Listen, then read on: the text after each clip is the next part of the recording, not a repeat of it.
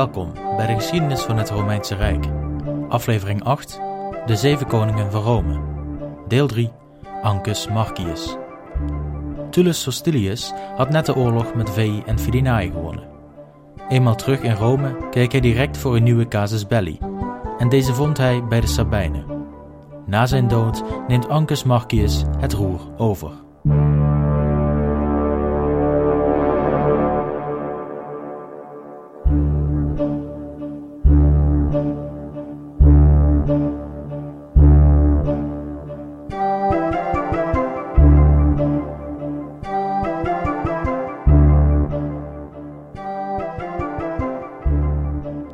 Nadat de bevolking van Alba Longa werd toegevoegd aan die van Rome, groeide het inwoneraantal van de stad nogmaals aanzienlijk in omvang. Net zoals bij de Sabijnen was gebeurd zo'n 80 jaren ervoor, werden er senatoren gekozen van Albaanse komaf. Het aantal senatoren zou nu groeien tot 300. Het gebouw van de Senaat werd te klein, en Tullus Hostilius gaf het bevel tot het bouwen van een nieuw onderkomen voor de Senaat. Dit zou het eerste senaatsgebouw worden in de stad, en deze zou later uitgebouwd worden door de Romeinse dictator Sulla. Vervolgens liet Tullus de legers van Alba Longa en Rome samenvoegen, waardoor de kracht van zijn leger vrijwel verdubbelde. Met deze nieuw verkregen kracht keek hij direct over de stadsmuren naar buiten, op zoek naar een nieuw slachtoffer van zijn reizende faam. Hij vond zijn nieuwe slachtoffers in de Sabijnen. De Sabijnen waren eerder al verslagen door de Romeinen, maar let wel, dit was slechts een fractie van de totale kracht van het Sabijnse volk. De steden welke nog niet in conflict waren geraakt met Rome, bezaten veel militaire kracht, en het was volgens Livius de sterkste staat na de Etrusken. Het conflict werd op eenzelfde wijze uitgelokt als ervoor was gebeurd met de Albanen. Er werden over en weer rooftochten georganiseerd door herders, en zoals daarvoor ook al was gedaan, werden er direct gezanten naar de Sabijnen gestuurd, met de eis de herders te herstellen in hun verliezen. De Sabijnen weigerden dit voorstel uiteraard. Zij waren namelijk niet degene die initiatief hadden genomen met de rooftochten. Zij reageerden alleen. De Romeinse gezanten brachten het nieuws over de weigering naar Tullus. En dit nieuws liet de Romeinen geen andere keus dan de oorlog te verklaren aan de Sabijnen. De Sabijnen wisten nog goed dat zo'n 80 jaren eerder een deel van de Sabijnen was opgegaan in Rome, en dat de stad recentelijk wederom in influx had genoten, ditmaal van de Albanen. Er zat niets anders op dan de naburige steden van de Etrusken te vragen voor hulp. De Etrusken van de machtige stad Veii werd gevraagd te helpen bij het conflict tegen de Romeinen. Maar met hun verlies nog vers in het achterhoofd stuurden de Veianen slechts wat armen en slaven naar de Sabijnen. Ze wilden namelijk geen officiële oorlogsverklaring afkondigen tegen Rome. Ze hadden immers net een nieuw verdrag met de Romeinen gesloten en ze wilden niet eindigen als Mettius Fufetius en Alba Longa. De andere Etruskische steden hadden geen verdrag met Rome en zij stuurden wel troepen en beide kampen begonnen met het voorbereiden van de te komen oorlog. Een succesvolle oorlog zou afhangen van de partij welke de eerste stap zou nemen. Zo was de gedachte althans en Rome toonde zich bereid het initiatief te nemen. Tullus stak de grens over met zijn voltallige leger Romeinen en ze werden tegemoet gemarcheerd door de Sabijnen en Etrusken. Het gevecht vond plaats nabij Silvia Malitiosa, een plaats welke ons nu onbekend is. De Romeinen stonden inmiddels bekend om een sterke infanterie, maar door de toevoeging van de Albanen aan het legers was het hun versterkte cavalerie welke de doorslag gaven. Een plotselinge charge van de ruiters doorbrak de linie van de Sabijnen, en zij konden geen weerstand bieden, noch konden zij vluchten. Het leger van de Sabijnen en Etrusken werd volledig verslagen. Er vond wederom een slachting plaats. Tullus zijn aanzien, en dat van Rome, groeide met de behaalde overwinning. Niets of niemand leek Rome te kunnen verslaan. Maar dan komen er op een blauwe maandag een aantal burgers naar de koning en de senaat. Zij vertelde over een regen van stenen, welke had plaatsgevonden in de Albaanse bergen. Tullus was van mening dat dit soort bovennatuurlijke gebeurtenissen maar lulkoek waren. Hij had niet zoveel met religie, daar hij dit onwaardig achtte van zijn aandacht. Hij stuurde daarom een paar vertrouwelingen naar de bergen om te kijken wat er was gebeurd. Toen deze mannen bij de bergen aankwamen, begon er een hevige storm te waaien door de bergen, en er brak een gigantische stortbui uit van steen. De bui werd begeleid door een bulderende stem die klonk vanuit de bergen. De stem liet horen dat de Albanen hun religieuze rituelen hadden verwaarloosd en dat zij deze zouden moeten volgen zoals hun voorvaderen dat al eeuwen eerder hadden gedaan. Het geval was namelijk dat veel Albanen na hun overplaatsing naar Rome niet de rituelen van de Romeinen hadden overgenomen, maar religie enigszins links hadden laten liggen. De Romeinen brachten verslag uit aan Tullus, en er sloeg angst toe in de Romeinse harten. De Romeinen hadden dan wel een sterk en onverslaanbaar leger, maar welk leger was opgewassen tegen de wraak van de goden? Bang dat de goden de Romeinen zouden straffen voor het achteloos verwaarlozen van hun offers aan goden, liet Tullus direct de oude gebruiken van Numa nieuw leven inblazen. Hij was ervan overtuigd geraakt dat Numa's decreten toch niet konden worden afgedaan als onzin, gezien de goden nu persoonlijk een waarschuwing hadden geuit. Tullus was nog niet helemaal overtuigd. Hij liet zijn leger onder de wapens omdat hij vond dat een soldaat beter in het veld kon zijn dan thuis, bij zijn familie. Hij liet echter wel een periode van negen dagen aankondigen, waarin alle burgers van Rome hun aandacht moesten richten op het offeren van geschenken aan de goden. Het bleek echter onvoldoende. De stad Rome werd getroffen door een periode van ziekte. Het leger viel ook ten prooi aan deze straf van de goden, en zij verloren hun kracht, niet door verlies in strijd, maar door verlies van gezondheid. Tullus was nu echt bang geworden. Hij gaf het bevel alle religieuze attributen welke Numa in de stad had geplaatst en welke hij weer weg had genomen terug te zetten. Hij besloot zijn persoonlijke leven nu te wijden aan de goden, om zo weer in een goed daglicht te komen. Het volk liet zich nu ook horen. Zij waren ervan overtuigd dat de goden boos waren om de expansiedrift van de Romeinen, en zij riepen de koning op om de oude gebruiken van Numa in ere te herstellen. De enige manier om deze ziekte en zwakheid te laten verdwijnen was om vrede te sluiten met de goden. Ze riepen Tullus op om een specifiek gebruik van Numa uit te voeren. Numa sloot zichzelf regelmatig op met ingewikkelde stukken schrift, welke een ritueel beschreven. Numa voerde deze rituelen uit om de goden tevreden te stellen en de devotie van de Romeinen aan de hemel te tonen. Tullus gaf gehoor aan de eis van het volk. De traditie vermeldt dat de koning de commentaren van Numa bestudeerde. Hier kwam hij een paar geheime offerrituelen tegen die aan Jupiter werden betaald. Hij trok zich terug terwijl hij zich bezighield met deze riten. Maar hun uitvoering werd ontsierd door weglatingen en fouten. Hierdoor was hem niet alleen geen teken van de hemel toegestaan, maar de woede van Jupiter werd gewekt door de valse aanbidding die hem werd geschonken. Jupiter werd woest op deze neppe verering van zijn persoon, en hij strafte de koning voor zijn godlasterende heerschappij. Hij stuurde een bliksemschicht van de hemel naar beneden, richting het paleis van Tullus. De bliksemschicht trof doel en het paleis brandde, met Tullus erin, tot de grond af. Tullus verwierf zijn bekendheid door militaire overwinningen en oorlog, en zijn heerschappij duurde 32 jaren. Voordat we naar de volgende koning gaan, wil ik het even hebben over de vraag of de heerschappij van Tullus jullie misschien bekend voorkomt. Sommige historici denken namelijk dat Tullus nooit heeft bestaan en dat hij een verzinsel is van latere schrijvers, zoals Livius. De argumenten welke ze hiervoor aanvoeren zijn in eerste plaats de naam van Tullus Hostilius. Zijn naam is uniek in de Romeinse geschiedenis tot dan toe. Het vertaalt letterlijk naar Tullus de Vijandige. Daarnaast is onbekend wanneer hij geboren werd. Kwam hij zomaar uit de lucht vallen in zijn twintiger jaren? Ook lijkt zijn heerschappij wel heel erg op dat van Romulus.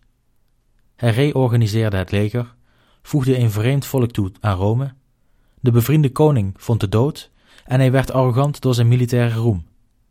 De laatste vergelijking komt door het feit dat net als Romulus hij van zijn leven werd beroofd door bovennatuurlijke krachten. Het verhaal komt inderdaad behoorlijk overeen met dat van Romulus. Of jullie het geloven, laat ik aan jullie over. Ik ga verder met de opvolger van Tullus. Zoals gebruikelijk bij het verliezen van een koning, ging het volk direct in conclaaf en er werd een nieuwe koning voorgesteld aan de Senaat. Ditmaal koos het volk voor Ancus Marcius. Hij was een zoon van een dochter van de tweede koning Numa Pompilius. Het volk moet gedacht hebben dat er zo snel mogelijk een koning moest komen, welke de goden voldoende serieus nam. De Senaat was het roerend eens met het volk, en zij accepteerde Ancus Marcius. Hij werd de vierde koning van Rome. Ancus werd herinnerd aan zijn grootvaders roem, en hij erkende dat de laatste heerschappij van Tullus, zo prachtig in vrijwel alle opzichten, aan de andere kant een uiterst ongelukkige was gebleken, door de verwaarlozing van religie en de ongepaste uitvoering van rituelen. Ancus was dan ook vastberaden om de riten van zijn grootvader een centralere plek te geven in de Romeinse samenleving. Hij liet de geschriften van Numa overschrijven en hij beval de Pontifex Maximus deze ter inzage te leggen op publieke plaatsen in Rome en de steden daarbuiten. De naburige steden van Rome dachten dat de nieuwe koning van Rome net zo'n zwakke leider was als dat Numa dat van buitenaf leek. Het was immers zijn kleinzoon, en de harten van de Romeinen waren opnieuw gevuld door angst voor de goden. Marcus bleek echter niet een zachtgekookt ei te zijn, en toen de Latijnen in de omgeving van Rome de gelegenheid aangrepen om onder de heerschappij van Rome uit te komen, bracht dit de koning van Rome de ultieme gelegenheid zijn kracht te bewijzen aan de buitenwereld. Ancus kwam tot de conclusie dat hij een combinatie moest zijn van zijn grootvader Numa Pompilius en Tullus. Numa had de laatste riten gebracht voor tijden van vrede. Nu was het de beurt aan Ancus om riten te brengen voor tijden van oorlog. Hij bedacht een ceremonie welke uitgevoerd moest worden bij het verklaren van een oorlog. Deze ceremonie zou na de heerschappij van Ancus tot aan het eind van de Romeinen gebruikt worden, wanneer ze de oorlog zouden verklaren aan een vijand. Het gebruik bestond uit een persoon met religieus gezag, welke op aanraden van de koning naar de grens zou reizen met het land waar de oorlog aan verklaard moest worden. Hier, aan de grens, sprak hij een gebed uit aan Jupiter. Dat Jupiter getuige mogen zijn van deze rechtvaardige oorlog jegens het land Huppeldepup. Er werd een heel verhaal afgekondigd dat de Romeinen geen enkele andere keus hadden en dat de reden voor de oorlog volledig aan te rekenen viel aan de vijand. Daarna verkondigde deze persoon hetzelfde verhaal aan de eerste persoon welke hij tegenkwam aan de andere kant van de grens. En eenmaal klaar met zijn preek, wierp hij een speer in het land van de vijand. Dit was het teken dat na een periode van dertig dagen de oorlog officieel kon beginnen. De Romeinen hadden geleerd van de fouten van Tullus, en zij zouden nooit meer een oorlog beginnen zonder rechtvaardige argumenten. Zij zouden vanaf nu nooit meer de agressor zijn, maar slechts uit verdediging ten oorlog trekken. Ik kan jullie vertellen dat de latere Romeinen deze bepaling zeer losjes interpreteren, en dat zij altijd wel een weg vinden om henzelf wijs te maken dat zij onschuldig waren en dat de vijand de oorlog schuld was. Na het ten uitvoer brengen van de officiële gebruiken omtrent de verklaring van oorlog, verzamelde Ancus zijn troepen en hij ging op weg naar de vijandige Latijnse steden. De eerste stad welke de Romeinen aandeden, was die van Politorium. Hier vochten de Romeinen in korte veldslag en in goede traditie werd het merendeel van de Latijnse bevolking overgeplaatst naar Rome.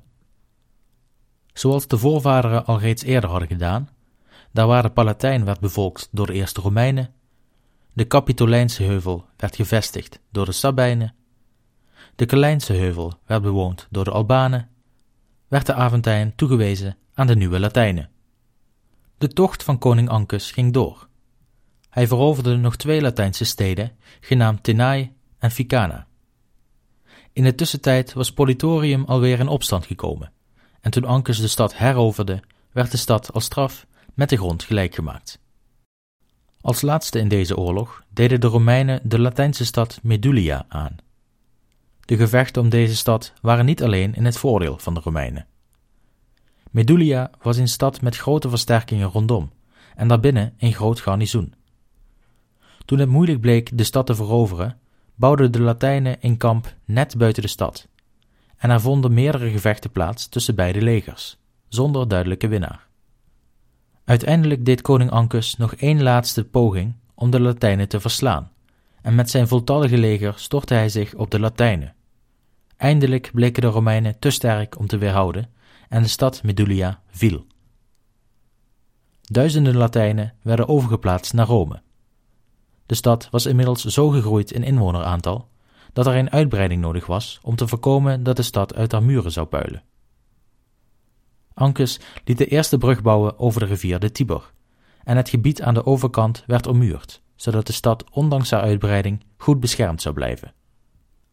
De brug werd bekend onder de naam Pons Sublicius, het Latijnse woord voor pijler.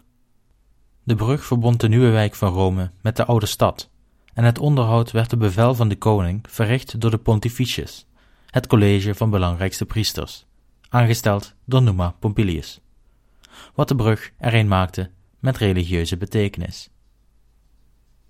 Na het uitbreiden van de stad en de toename in het aantal inwoners werd de handhaving moeilijker. De criminaliteit nam toe en Ancus besloot tot het bouwen van de eerste gevangenis van Rome. Ancus was nog niet klaar. Hij vergrootte niet alleen de stad Rome zelf, maar ook het gebied waarover Rome zou heersen. Hij ontnam van de stad Veii een groot bosrijk gebied, waarvan de bomen gebruikt zouden worden voor het aanleggen van een nieuwe haven. Ancus breidde zijn invloedssfeer namelijk ook uit richting de zee, en het is tijdens zijn heerschappij dat de grenzen van Rome uitstrekten tot aan de kust van de Tyreense Zee. Hier liet hij uit het hout van de bossen van Veii een havenstad bouwen, genaamd Ostia. Ostia droeg in gigantische mate bij aan het latere succes van Rome. Het was de toegangspoort tot de handel, welke gedreven werd over de hele mediterrane wereld, en het zou later de springplank zijn voor de overzeese verovertochten van de Romeinen. Het wordt ook een politiek wapen, gezien door Ostia de graanvoorraden binnenkwamen vanuit Sicilië en Egypte. Meermaals werd de havenstad platgelegd om zo de heersers van Rome aan te zetten tot verandering. Nu ga ik jullie introduceren tot de man welke Ancus zal opvolgen. Tijdens de heerschappij van Ancus emigreerde een rijke en ambitieuze man uit Etrurië, de naam van de Etruskische landen, naar Rome. De naam van deze man is volgens de Romeinse bronnen Lucumo. Echter is dit een veelgemaakte fout door de Romeinen. Lucumo is namelijk de Etruskische equivalent van de titel koning. Zijn eigenlijke naam is Lucius Tarquinius Priscus. Toen Lucius nog in Etrurië woonde, erfde hij een fortuin van zijn vader. Lucius was een ambitieus man, en zijn doel was het winnen van politieke macht in zijn thuisstad, Tarquini, welke tegenwoordig Tarquinia heet.